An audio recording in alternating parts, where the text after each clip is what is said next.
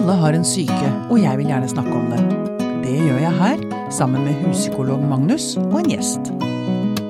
Dette er Pia på syke.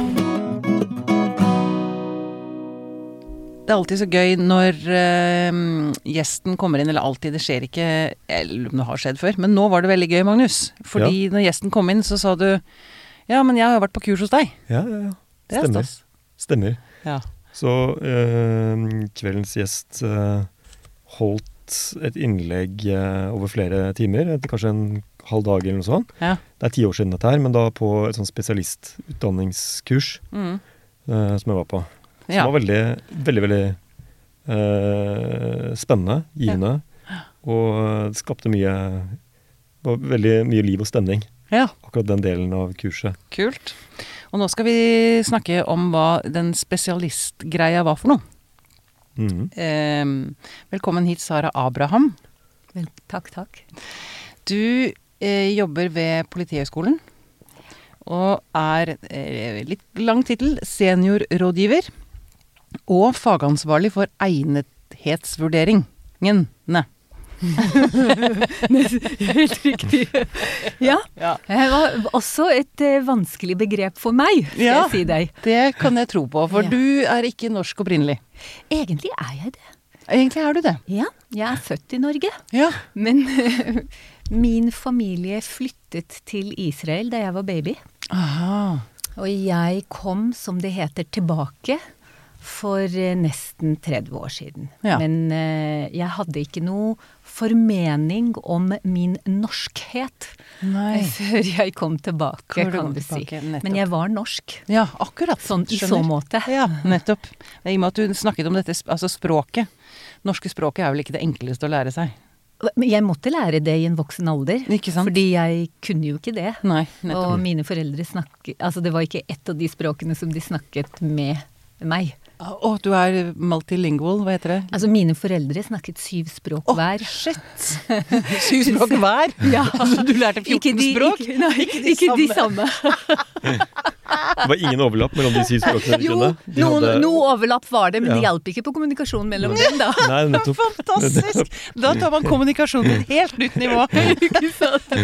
Men nei, eh, mitt morsmål var hebraisk, eller Ja. er hebraisk. Hebraisk, ja. Mm, ja. Ok, men altså. Du er eh, spesialist i organisasjonspsykologi og har vært sentral i omlegging av metodene som Politihøgskolen bruker for å vurdere egnethet til politiyrket. For å ta den ordentlige, formelle beskrivelsen av hva du gjør. Det er helt riktig. Ja. Ehm, og så skal jeg også nevne at du ledet politiets første mangfoldsprosjekt Det i er politi riktig. Politidirektoratet. Og deltok i det internasjonale EU-prosjektet EDPOL, Mm.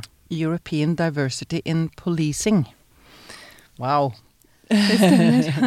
det, du har en viktig jobb, tenker jeg. Ja, og jeg tenker at eh, de eh, tingene har utviklet seg. Fordi da jeg begynte i politiet, så hadde jeg ingen formening om hele det feltet, mangfoldsfeltet. Og jeg kom inn med en identitet av en psykolog. Jeg skulle jobbe i politiet og um, Sånn som andre organisasjonspsykologer. Og jeg skulle um, eh, jobbe med lederutvikling og lederevaluering og lederrekruttering. Hadde veldig min identitet der. Og så ble jeg invitert til et eller annet sånn lite prosjekt som het 'Rekruttere og integrere personer med flerkulturell bakgrunn' Ja. til eh, politiet. Og så tenkte jeg 'hæ, hvorfor skal jeg dit'? Mhm.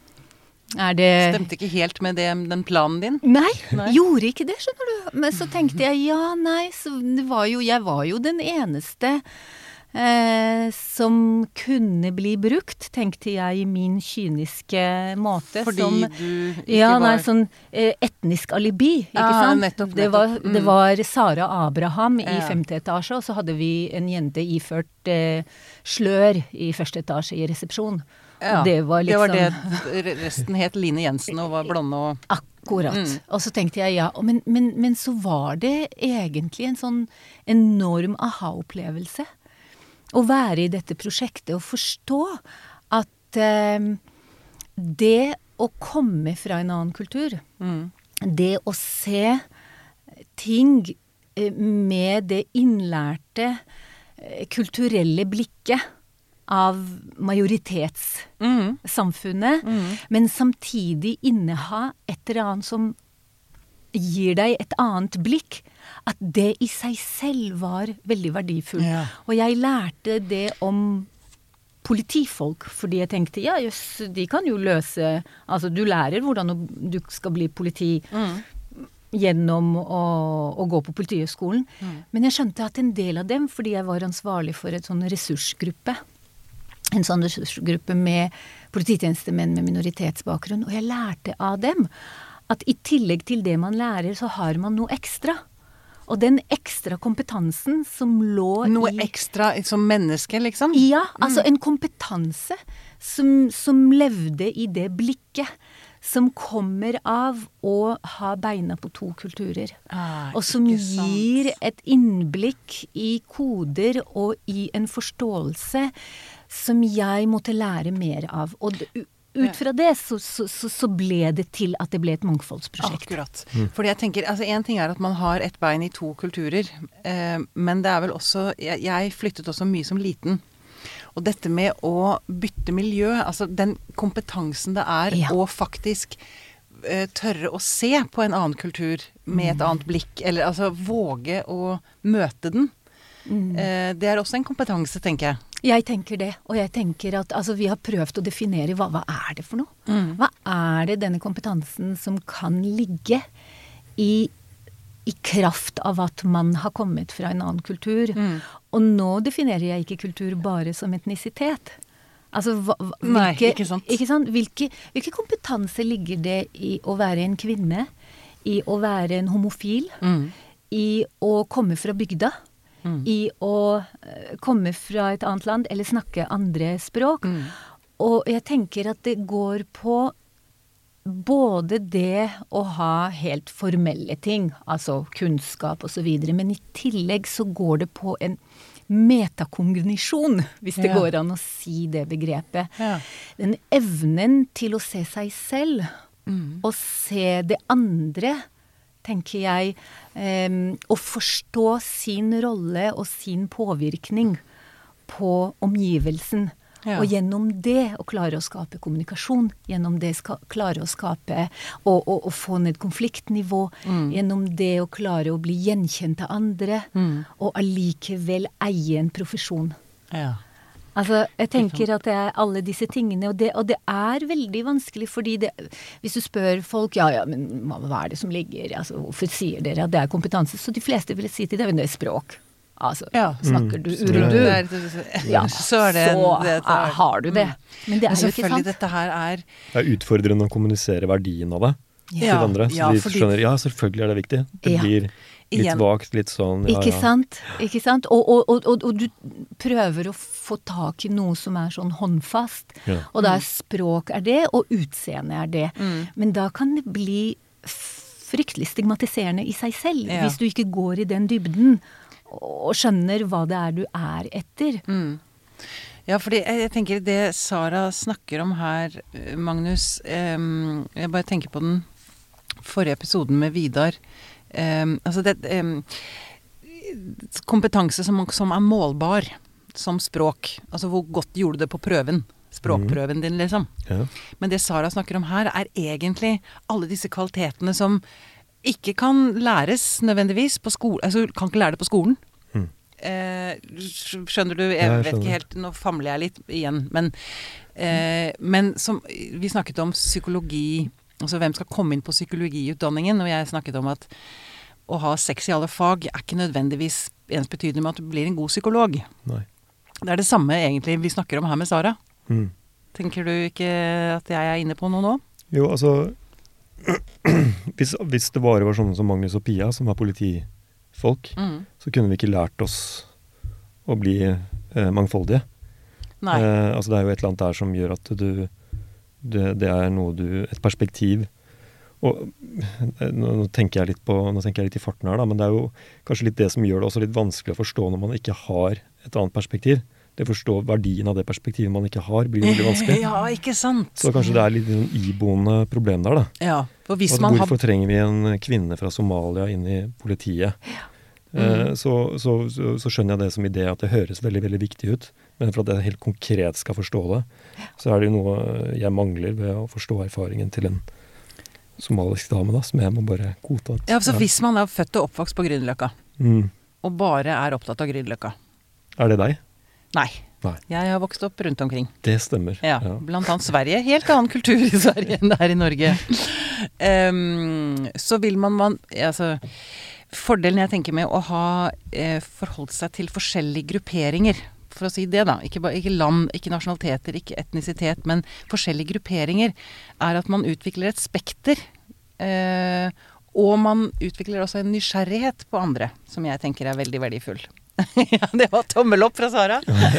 Ja, fordi jeg tenker at nysgjerrighet er et veldig sentralt begrep. Og Mm. du sa i stad at du famler, men jeg syns ikke du gjør det. Jeg syns du er veldig inn i gullåra her. Ok, yay! Ja, fordi jeg, jeg tenker at en av de tingene som vi har funnet ut eh, Altså, da jeg ledet Mangfoldprosjektet og fikk beskjed, det er sånn det er i, i offentlig etat, du får beskjed fra eh, Justisdepartementet, Ja. ikke sant.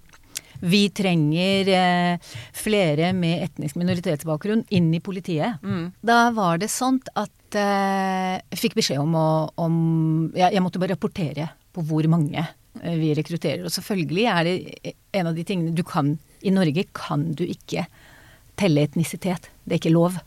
Ah. Ja. Å gud, det visste jeg ikke. Jo. Du kan Eh, ikke telle etnisitet? Nei, det stammer fra den tiden da politiet i Norge eh, registrerte J på jødene. Mm. Og det var det som førte til at de ble samlet og sendt til Auschwitz med Donau.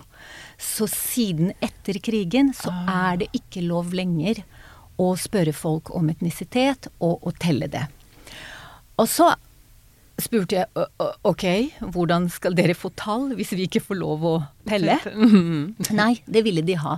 Og de ville ha flere. De ville ha tall, men dere fikk ikke lov til å telle. nei. Ja, ja, interessant oppgave. Ja, og, de, og, og, de ville, og, da spurte jeg ok, så jeg skal gå den andre veien. Jeg skal spørre hvordan er det man rekrutterer folk med etnisk minoritetsbakgrunn, eller i det hele tatt.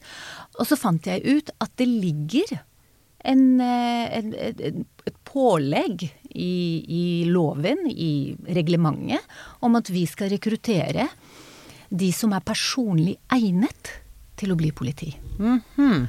Og så tenkte jeg nå er jeg veldig utlending. Hva er personlig egnet? Hva betyr det? Og så gikk jeg da og spurte hva, hva, hva betyr det begrepet, fordi det er et ord jeg ikke kan. Mm.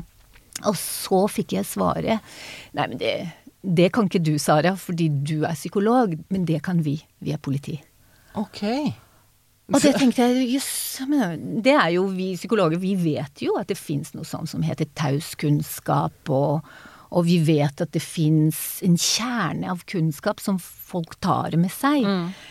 Men, men hvis det er mange mennesker som skal rekruttere etter personlig egnethet, begrepet, uten at det er noe enighet eller det er noe eksplisitt om det, så kan det bli veldig subjektivt. Og subjektive vurderinger, Det er skumle, kan være det skumle er, saker. Mm. det er diskriminerende, og Ja. da får vi ikke vanligvis de gruppene. Så vi var i en sånn catch 22.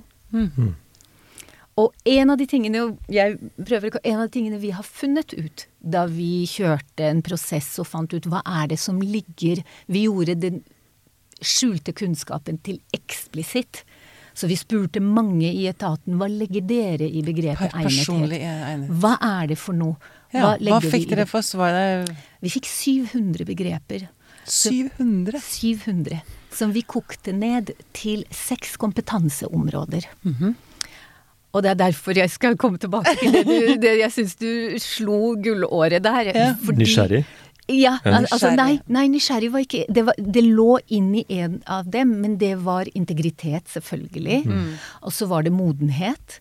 Og så var det mm, eh, åpenhet og inkludering. Og så var det mm, analytisk evne. samhandling og handlekraft. Ja. Og en av de viktigste der, eh, fant vi ut, det var en Altså et av begrepene som det var 100% enighet om, det var at åpenhet og inkludering, som er en kompetanse som måler holdninger, den er preget av nysgjerrighet. Ja. Og åpenhet, åpent sinn, Ja. nysgjerrighet og respekt for annerledeshet. Og når du tar disse seks kompetansene, så har du definert potensialet for å bli egnet. Ja. Apropos det dere snakket om i forhold til psykologutdanningen eller legeutdanningen. Fordi det er noe helt annet enn karakterene, som du sier. Ja. Det er jo ikke seksere i alt eller femmere i alt. Nei. Dette her ligger i tillegg til karakterene og sier noe om potensialet til å virkelig være egnet for et yrke. Ja.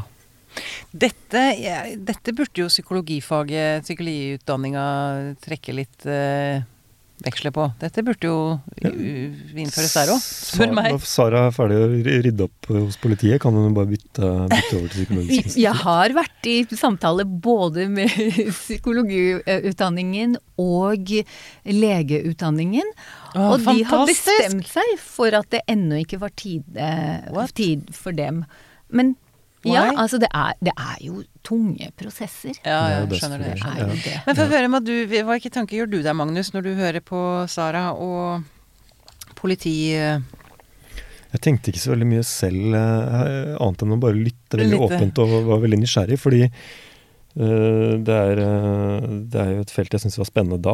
Ja, for det var det nå. du gikk på, kurs, hva jeg skulle spørre om egentlig, hva, du, hva kurset hennes handlet om. Jo, det handlet om det samme. Du beskrev de samme utfordringene Mm. eh, med det å møte en politikultur, som var på en måte. Du skulle gjøre en jobb, og det var litt som motstrømsarbeid mot en kultur.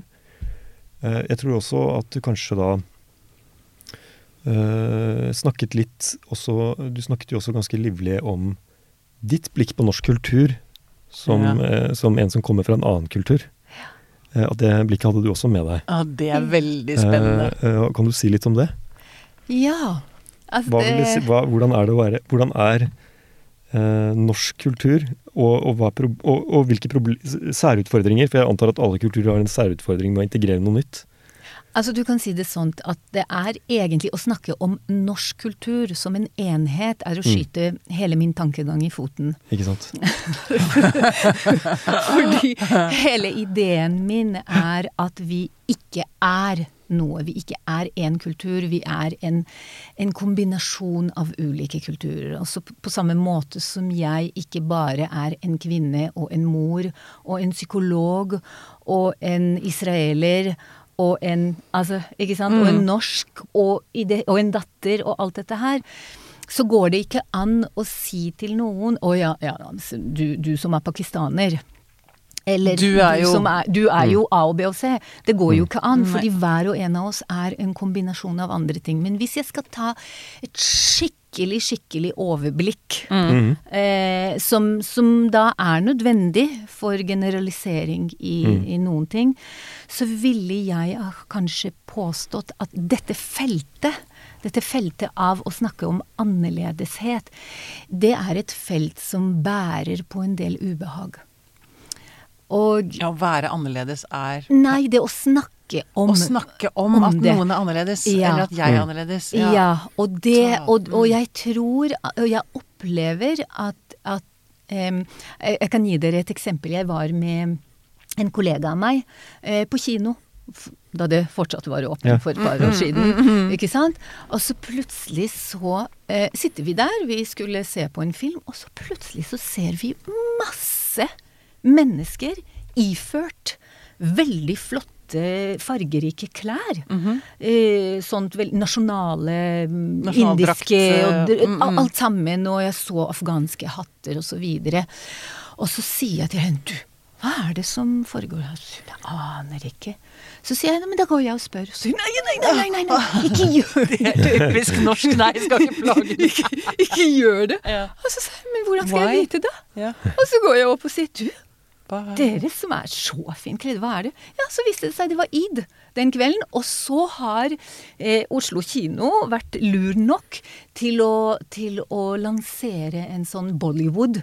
Film akkurat på id-kvelden. Ja, id-kvelden! Det var lurt. Ja. Så da kom de alle sammen veldig flott kledd og sånn.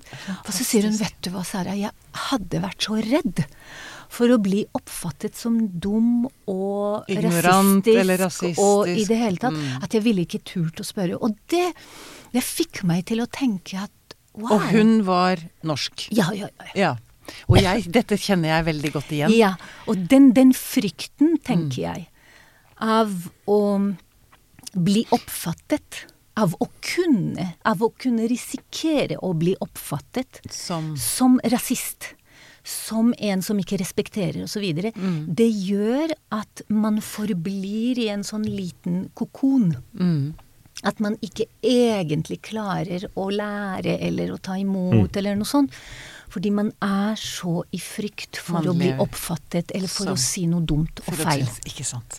Og det der Åh, det er fantastisk. Ehm, det der, det, dette, dette sier jo jeg i Pia og psyken. Jeg har jo forskere og jeg masse, masse folk jeg har hatt i studio. Og jeg har jo lagt meg på en sånn Jeg har vært veldig tydelig på at jeg stiller dumme spørsmål. Altså, det er virkelig jobben min. Fordi er det én ting som plager vettet av meg, som gjør meg syk, tenker jeg, med min bipolar lidelse, det er jo å prøve å late som jeg er noe annet enn jeg er. Da blir man, det blir man jo utslitt av. Absolutt. Og det, og det er det vi lærer i det feltet. Ja.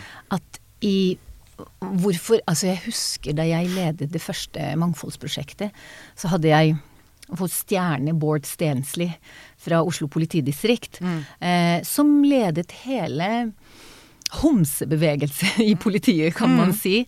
Og han var leder av LHBT-feltet. Og jeg spurte ham, du Bård, jeg må forstå det. Fordi jeg forsto det ikke. Jeg må forstå det. Jeg, jeg skjønner ikke Når jeg går og hilser på folk, så sier jeg aldri 'Hei, jeg heter Sara Abraham, og jeg liker den misjonære stillingen'. Hvor må du fortelle meg 'Hei, jeg heter Bård, jeg er homse'? det er veldig bra. Hvordan tok han den? Jo.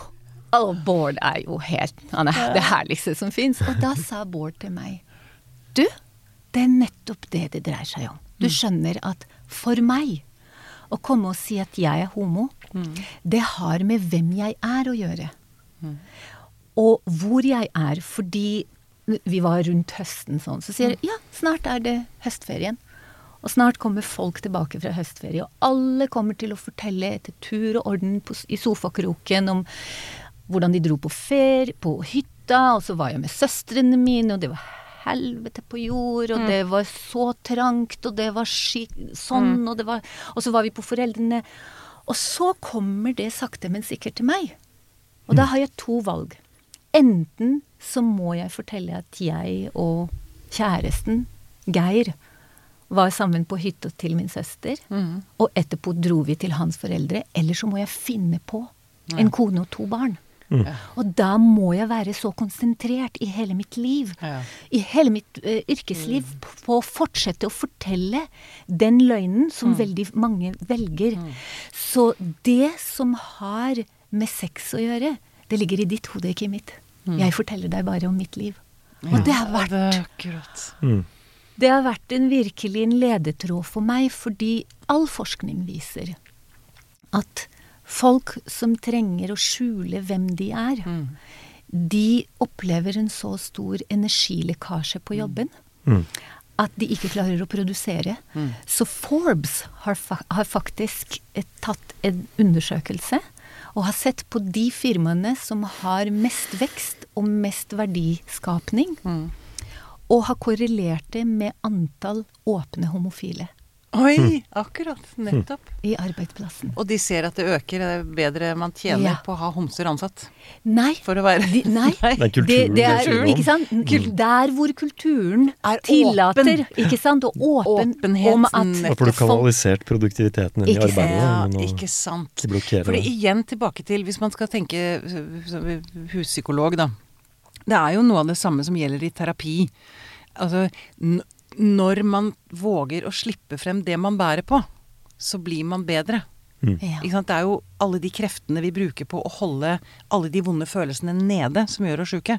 Mm. Er du enig i det? Eller er- gjør Ja, jeg det er det, en- forenkler jeg det veldig nå? Nei, det er, en god, eh, det er en god analogi som treffer Mm. ganske bredt, det, altså. Mm. Og eh, i den graden Og i hvert fall det å ta veldig på alvor ting som er vanskelige. Mm. uh, og, og arbeide skikkelig med ting som det er vanskelig å Som man ellers unngår og helst ikke vil tenke på. Mm. Så, man, uh, så det er jo et uh, Hva skal man si for noe? Det behøver ikke alltid være en, en følelse man undertrykker. Det kan like gjerne være et problem i livet som er av en annen karakter, som man ikke ser på. Mm. Men det er en realitet ved livet man trenger, å, trenger hjelp til å, å, å se på lenge nok til at man klarer å gjøre en endring med det. Ja. Og det kan jo, for noen kan jo det også være f.eks. Uh, sånn som eh, mange, mange pasienter jeg treffer som um, trenger å gjøre store livsstilsendringer. Mm. kan jo ligge en ganske stor benektelse i, i uh, livsvanene de har. Altså det er- et mønster de ønsker å opprettholde og ikke problematisere for mye, samtidig som Nei. de kommer med et ambivalent forhold til det. Akkurat. At, eh, så, så, det, så, så da også er det et stykke arbeid med å, å klare å engasjere folk i det. da, Jobbe Mm. med noe som er vanskelig og personlig. Ikke sant. Mm. Fordi jeg tenker, nå får jeg sånn, ikke sant? Du jobber med én-til-én. Altså, Sara er vel liksom en samfunnspsykolog, du.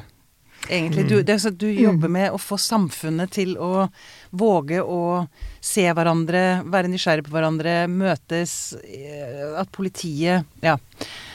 Eh, som er de som liksom skal passe de, altså, Politiet passer jo på oss. Mm. Ikke sant? Mm. Eh, og at de evner å eh, være åpne og nysgjerrige og eh, villige til å gå Altså møte en konflikt med åpenhet istedenfor å gå Polarisere Altså, ja.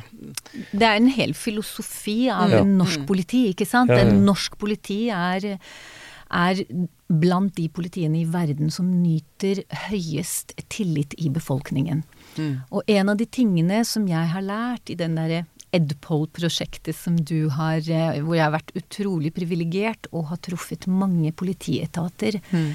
på, altså over hele både Europa og Amer- Nord-Amerika, det er at det ligger At det er en direkte logikk mellom det å ha tillit til politiet og det å speile den befolkningen du betjener. ja. Så det betyr at hvis befolkningen ikke kjenner seg igjen i politiet, og ikke sier 'oi, det er folk sånn som meg' Mm. i politiet, sant, i, den, i, i den, den etaten som har lov å utøve makt over meg, Mm. Ikke sant. så senker tilliten. Og det man har funnet ut i tillitsundersøkelsene til politiet, det er at politiet i Norge nyter, som jeg sa, veldig, veldig høy tillit, men den laveste tilliten ligger blant unge, unge med innvandrerbakgrunn. Ja. Mm. Og for å jobbe med dette, så er vi nødt både til å rekruttere og øke denne, det blikket samfunnet har på politiet. Så du sier at jeg er eh, kanskje samfunnspsykolog, det har jeg aldri hørt, det er litt uh, morsomt. Men jeg prøver å jobbe med organisasjonen, Mm. slik at vi skal klare å få til å være den politi altså det politiet som Norge trenger i fremtiden. Mm. Den inneha den kompetansen som alle analyserapporter forteller oss om at vi kommer til å trenge. Ikke sant. Kan jeg spørre deg om noe, Sara? Ja. Nei, fordi jeg var bare veldig, veldig kjapt til det du sa om eh, denne kinoanekdoten din.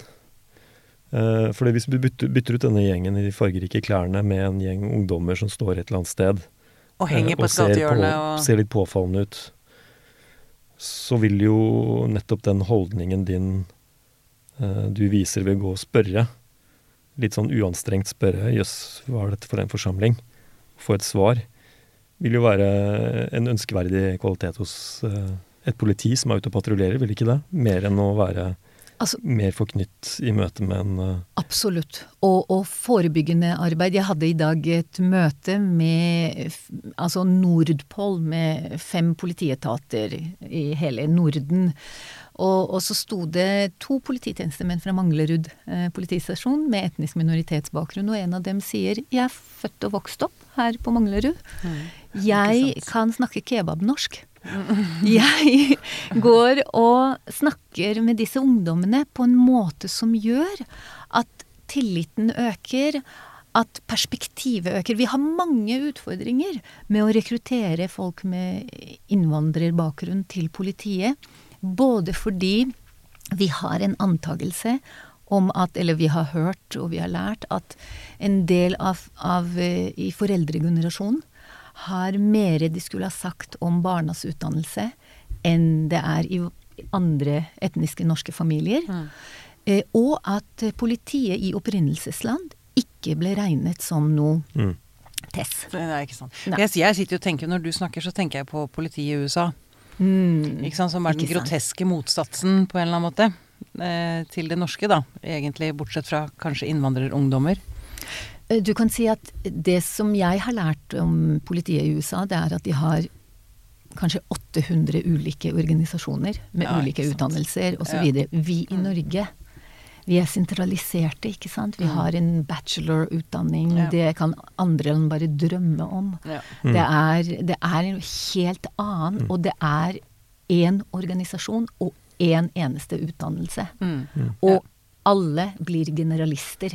Og det har sine utfordringer òg, mm. men, men, det er en del av det. Ikke mm. sant? Mm. Men du sa noe om eh, at eh, eh, du utdanner politiet til å bli det politiet vi trenger. Basert på noe, hva sa du, analyser, altså fremtiden.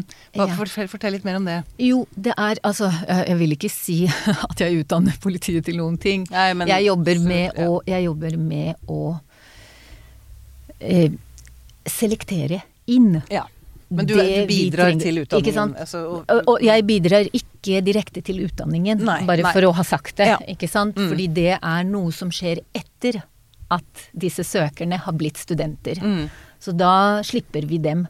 Til en viss grad, fordi i de siste par årene har vi, har vi fått til at eh, Du vet at på Politihøgskolen så går de ett år ved skolebenken, så mm. er de da ett år ute i politidistriktene mm. med, eh, med, veiledere og praksisansvarlige osv. Og, så videre, og så er de tilbake ett år i politiet før de da får sin bachelor. Mm. Eh, eh unnskyld, eh, ett år i, i, på skolen før de da.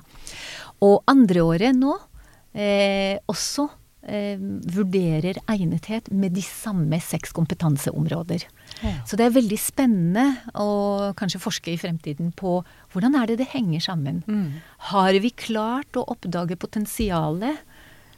Altså mm. Når de da går i andre året og mm. er der ikke i to timer med oss, men et helt år. Mm. Altså klarer vi da å, å se en sammenheng? Mm. Så det er en veldig spennende fase. Mm. Men nå snakker jeg uten å tenke på hva du snakker om. jeg husker ikke. Jo. det betyr at svaret var bra nok, i hvert fall. Ja, det, var, det var, så interessant at jeg glemte helt hva det var jeg lurte på, egentlig. Nei, du snakket om altså, du, noen analyse på jo. fremtidens politi. Ja. Hva er det du ser, hva er det dere ser der? Det er en del eh, analyser som har blitt skrevet i politiet om behovet for om kompetansebehovet, spesielt etter 22. juli, ja. og også før det. Det var bemanningsprosjekter osv. som sa noe om hvilken type kompetanse kommer vi til å trenge. Mm. Og en av de tingene som kom frem, det er at vi mangler mye eh, etnisk minoritetskompetanse. Mm. Vi står overfor en generasjon der forbausende nok er det mye eh, både ksenofobisk, som er da Fremmedfrykt. fremmedfrykt mm, mm. Og homofobisk hatkriminalitet. Iblant ungdommen i dag? I, blant, i samfunnet. I samfunnet? Er, er, det økende? Det var Det er mye. Jeg vil ikke si at det er økende, men det, men det er, er, mye. Og det har blitt mm. satt uh, store Altså trekk mot det. Mm. Og, Og eh, selvfølgelig alt som har med datakriminalitet og økonomisk kriminalitet Mm. Ja, og. Mm. blacknet og hele det. Så, så, så det, det påvirker måten man tenker i forhold til både rekruttering og hvordan utdannelsen skal se i fremtiden. Ja, Skal se ut i fremtiden. nettopp. Mm. Ehm, ja, nå tenkte jeg mange ting på en gang, og da mista jeg tråden. Ehm, Magnus, vær så god.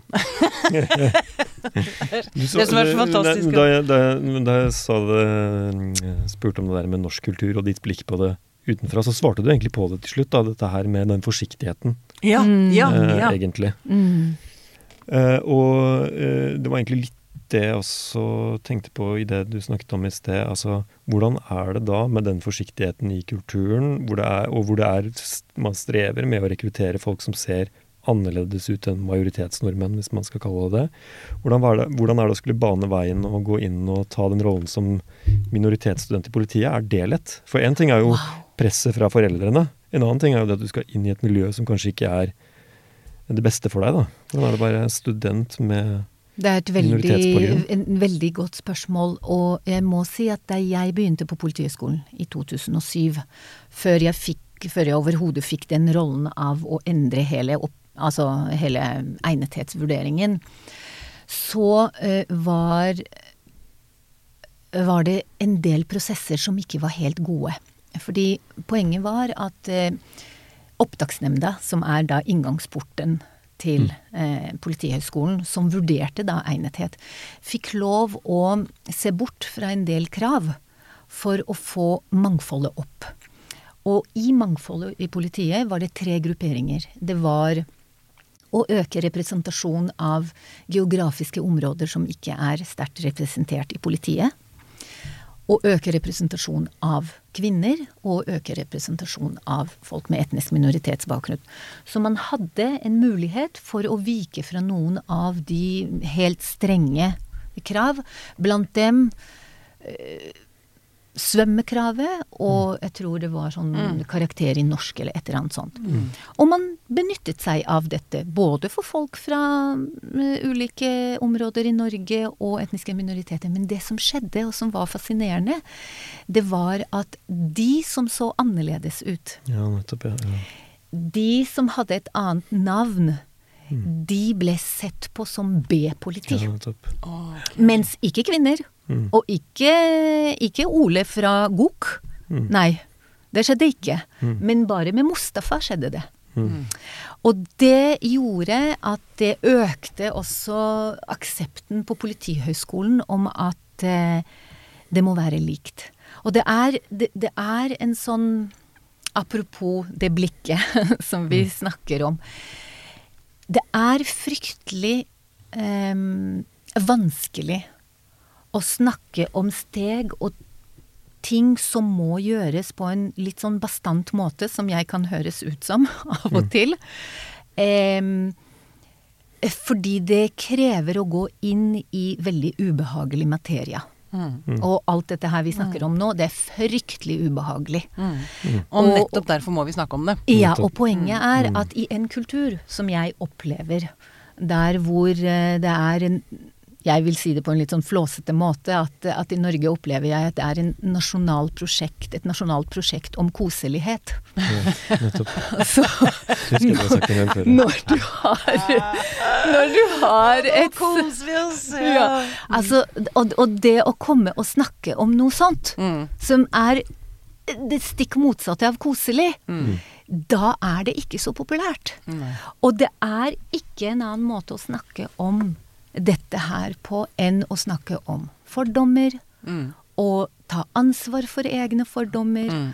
og ha en bevissthet om og å vite hva du gjør. Mm. Altså, du, vet, du, du kan si hva som helst til, til en politimann. Virkelig. Ja. Og øh, politifolk, de er så flinke Til å til det møtet. Ja.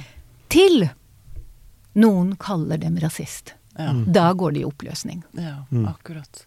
Men det, igjen, det, er- det er veldig fascinerende dette med det, Igjen, for å gå tilbake til kinoanekdoten din. Jeg tenkte på det da vi hadde eh, Adam Skjølberg, Mm, mm. eh, og vi er jo i Pride Mountain. Eh, eh, jeg vet jo at jeg er Jeg kan være redd for å spørre om eh, transseksualitet, ikke sant. Det er, så, det er så mange betente debatter, og det er så mye krenkelses... Altså folk blir så krenket over de minste ting Altså, man, Ja. Men vi må kunne spørre. Jeg må kunne si til Adam Skjølberg, vet du hva Hva er det du Du snakker om pandahomse. Hva er det for noe, liksom? Altså, jeg må Fordi hvis ikke Hvis vi slutter å stille spørsmål, så det er jo bare kroken på døra. Ja, og jeg er helt enig, og jeg tenker det er nettopp Men jeg er du ikke enig, Magnus? Du sitter og Jo, altså Det å omgås noen som er, har eh, veldig mange spennende sider ved seg, som du, hvor du lurer på mange av de, men Mm. du ikke kan tillate deg å spørre om de, Mm. det er jo ikke en person du ønsker å tilbringe tid med. Da sitter du og føler at det, da, det, det er en veldig vanskelig posisjon Det sitte er Ja, helt umulig. Og jeg blir så glad på en, så, man, så det gode samværet må jo på en eller annen måte bryte den isen, da. Ikke sant. Hvor man uh... Og jeg blir jo så glad når folk spør meg om bipolariteten. mm. Heller enn at de antar, og så skjønner jeg på måten de sier ting, at de er redde for meg, eller redde for noe altså, de, Og det er så mye bedre å bare spørre. Ja, hvor gæren er du egentlig, på en skala fra én til ti, liksom? så åpner vi i hvert fall dialogen. Jeg lurer på om det går an å skille Mm. mellom nysgjerrighet, som er den positive, åpne Sånn som barn spør. Ikke Ja, sant? nettopp. Og å være invaderende. Mm. Altså, og det skillet tenker Så lenge man kommer inn med hva, hva skal vi kalle det, går det an å si? Som du sier, som et barn. Et rent hjerte. Det kommer fra et godt sted. Et godt sted, ikke sant? Og du sier 'jeg vil bare vite'. Så tenker jeg at eh, den derre krenkelsestyranni som du snakker om, så jeg tenker er jo så skummel. Å havne der. Jeg tenker vi, vi kan ikke være redd for det hele tida. Ja ja, jeg tråkker i salaten. Ja, jeg er folk som tråkker i salaten. Det sånn må er være det. Jeg, jeg, jeg har dummet meg, og jeg har sagt ok, Ja. og da sier jeg unnskyld. Ja. Hvordan skulle jeg ha spurt om det? Jeg, Ja. jeg sier av og til til politifolk Kan ikke du spørre hva er den beste måten jeg kan benevne deg på? Ok. Hva, altså, kan ikke du spørre? Spørre, hvordan hvor- skal hvordan jeg kalle vil du deg? bli Vil du- tiltalt? Ikke sant? Hvordan Hvordan, vil du bli, du bli- tiltalt? Hva, hva er det? Og ikke eh, Altså ikke ha et filologisk blikk på det. Fordi Hva var det jeg hørte noen som sa til meg? Det er ingenting Det er noen som sa til meg at det var, det var ikke noe negativt på norsk med ordet neger. Og så sier jeg Og so what, da? Ja. Og det er det ikke. Men det er 15% i Norge som ikke liker det, og ikke vil det. Er ikke det nok, da? Ja, du mener 15% I? Norge. som- Som mener at neger er ikke et ord de ønsker å høre i, av, av statsansatte. Ja. Så det at det ikke betyr noen ting på norsk, Mm. det, det har jo ingenting med saken å gjøre. Nei, men det, det betyr jo mye på norsk. Altså, det er jo et, lov, nei, et ord som det er strengt forbudt å si. Ja, men, men i, i, i opprinnelsesverden, Mm. altså på 80-tallet, så betød det liksom ikke noe negativt. Nei, nei, nei. Og det er det folk, tillegges, ikke sant? eh, Ikke sant? Og det er folk som tviholder på det jeg sier, filologisk Ja, Ja, nettopp. perspektiv på det. sånn, ja. Nettopp. Og da, og da tenker jeg, det er ikke noe vits. Nei, det er ikke noe vits. Det høres ut som en frigjøringskamp inni en blindgate. At de Ja. skal liksom få lov Ja. det, det er en viktig rettighet. Ja. Har du kjempebehov, så kan du sitte alene på do og si fem ganger neger, neger, neger, neger, neger, så kanskje Så er det du over. Er det Er over, det- ja. Nettopp. Ja, ikke sant. Nei, nå, nå skjønner jeg hva du mener. Jeg Men det, det jeg lurer på det der med krenk... Altså, når noen eh, når det, ikke, når det ikke kommer fra et godt sted, mm, eh, hvor, hva slags sted kommer det fra da? mm. Eh, fordi eh, det er vel mange av de som blir krenket, som opplever vel nettopp da å få spørsmål eh, fra et sted av mistenksomhet, Ja, ja. eh, Mm. av skepsis, Mm. og spør fordi de, de, De vil dupere, eller Mm. Ja, altså svarer du bekreftende på det, så dømmer jeg deg, kanskje. mm. Ikke sant? Eller at de vil ha informasjonen, ikke for å bruke den, ikke for å bli opplyst, men de vil ha informasjonen eh, Det kan jeg godt skjønne. At uh, seksuelle minoriteter og andre som får den type spørsmål, Mm. kan reagere Ja, på det også- også. Og så- og som, ja, nei, jeg, jeg, ser absolutt det, og jeg tenker at man kan møte det. Og, og jeg tenker at man kan jo ikke, så, man kan ikke gjøre så veldig mye med Nei, nei. det. Men det som jeg tror også, det er at det kan også komme fra et, eh, et sted som er litt redd. Ja, Ja, det er litt frykt. Og ikke sant, frykt. Og jeg, jeg, jeg husker en av de gangene hvor jeg snakket om mangfoldsperspektiver for psykologer. Mm. Så fant vi ut der også um, noen artikler som viser at i terapirommet så blir mange temaer ikke tematiserte. Altså man går forbi en del sånne temaer som psykologen ikke klarer å ta opp, og som pasienten ikke klarer. Og det blir en sånn konsensus om at en del ting skal vi ikke snakke om. Dette rører vi ikke ved. Nei. Mm. Og jeg tenker at det å faktisk gjøre bakgrunn til figur er en del av dette arbeidet. Mm. Ja. Gjøre bakgrunn til figur. Mm. Fordi det ligger i bakgrunnen, jo. Ja. Det gjør jo det. Det ligger i bakgrunnen. og det- Vi kommer jo ikke unna Altså, det er der. Det er og da der. må det Det er ja. trollene som sprekker i sola. Ja, og så tenker Litt. jeg at det har så mye med tillit å gjøre. Mm. I, i, også i, i, spesielt i en kanskje i en eh, terapeutisk relasjon. Ja. Jeg, eh, det, ja. Jeg jobbet jo med veldig eh, tunge pasienter før jeg ble organisasjonspsykolog. Mm. Og en av dem jeg ja, for du var innen rus, rusfeltet. Nettopp. Mm. Eh, og jeg møtte der De modigste menneskene jeg har møtt i mitt liv, var der. De rusmisbrukerne. Ja. Mm. Fordi Tenk. Fordi det er nettopp det du sa i stad. Ikke sant? Den, den kampen om å erkjenne at det er noen ting, noen mønstre som jeg har, som jeg må bli Bryte. kvitt. Mm. Eller bryte. Mm. Ja, Hvis jeg vil overleve. Ja. Den behandlingen de må Så gjennom. det Ikke de må må Det møte i er, seg selv. eh, Det, Ja. det Det er så de modig å, å, å, å, å sette seg i den situasjonen. Og jeg tenkte flere ganger hadde jeg turt? Hadde jeg gjort Nei. det? Hadde jeg vært villig til å endre så mye? Fantastisk, fantastiske altså, ord. Mot. Mm. Ja. Det tenker jeg er eh, også, Det er så misforstått. Altså, man snakker om at modige mennesker er de som liksom hopper i fallskjerm eller eh, drar i krigen. Altså, du er modig når du ja, tenker jeg, altså, Det modigste du gjør, det er å våge å gå deg selv i møte. Mm. Og via det komme andre i møte. Mm. Virkelig ærlig. Og overkomme. Overkomme. Mm. Tilgi og overkomme. Mm. I en sånn evighetsprosess. Det er rett og slett Jeg tenker det er, det er det viktigste vi mennesker eh, har å lære her på jorda. Mm. Tror jeg. Mm. Jeg tror vi runder av der. jeg. Syns det var en så fantastisk eh, mot. Mot og nysgjerrighet. Og åpne hjerter. Ja. Det var nydelig oppsummert, syns jeg. Nydelig å ha deg i studio. Tusen takk for at du kom til oss, Sara Abraham. Takk for at jeg fikk lov å komme. Dette var en opplevelse. Ja, så bra.